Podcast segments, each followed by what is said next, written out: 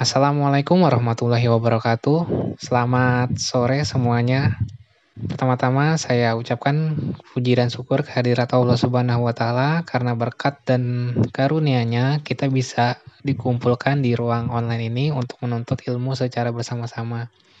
Tak lupa saya ucapkan terima kasih kepada Bu Yulia dan teman-teman yang hadir pada hari ini. Dan perkenalkan Nama saya Nurul Huda dan rekan saya Nur Khofifah, kami dari kelompok 2. Hari ini akan membawakan materi presentasi dari mata kuliah KPI dengan judul Bentuk dan Komponen Dakwah.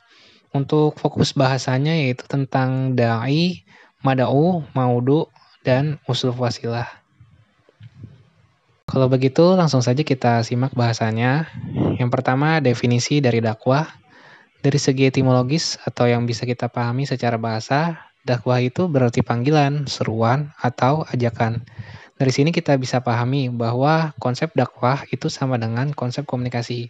Di mana dalam sebuah dakwah itu ada komunikan, komunikator, pesan, dan melalui media apa untuk menimbulkan efek serta umpan balik seperti apa.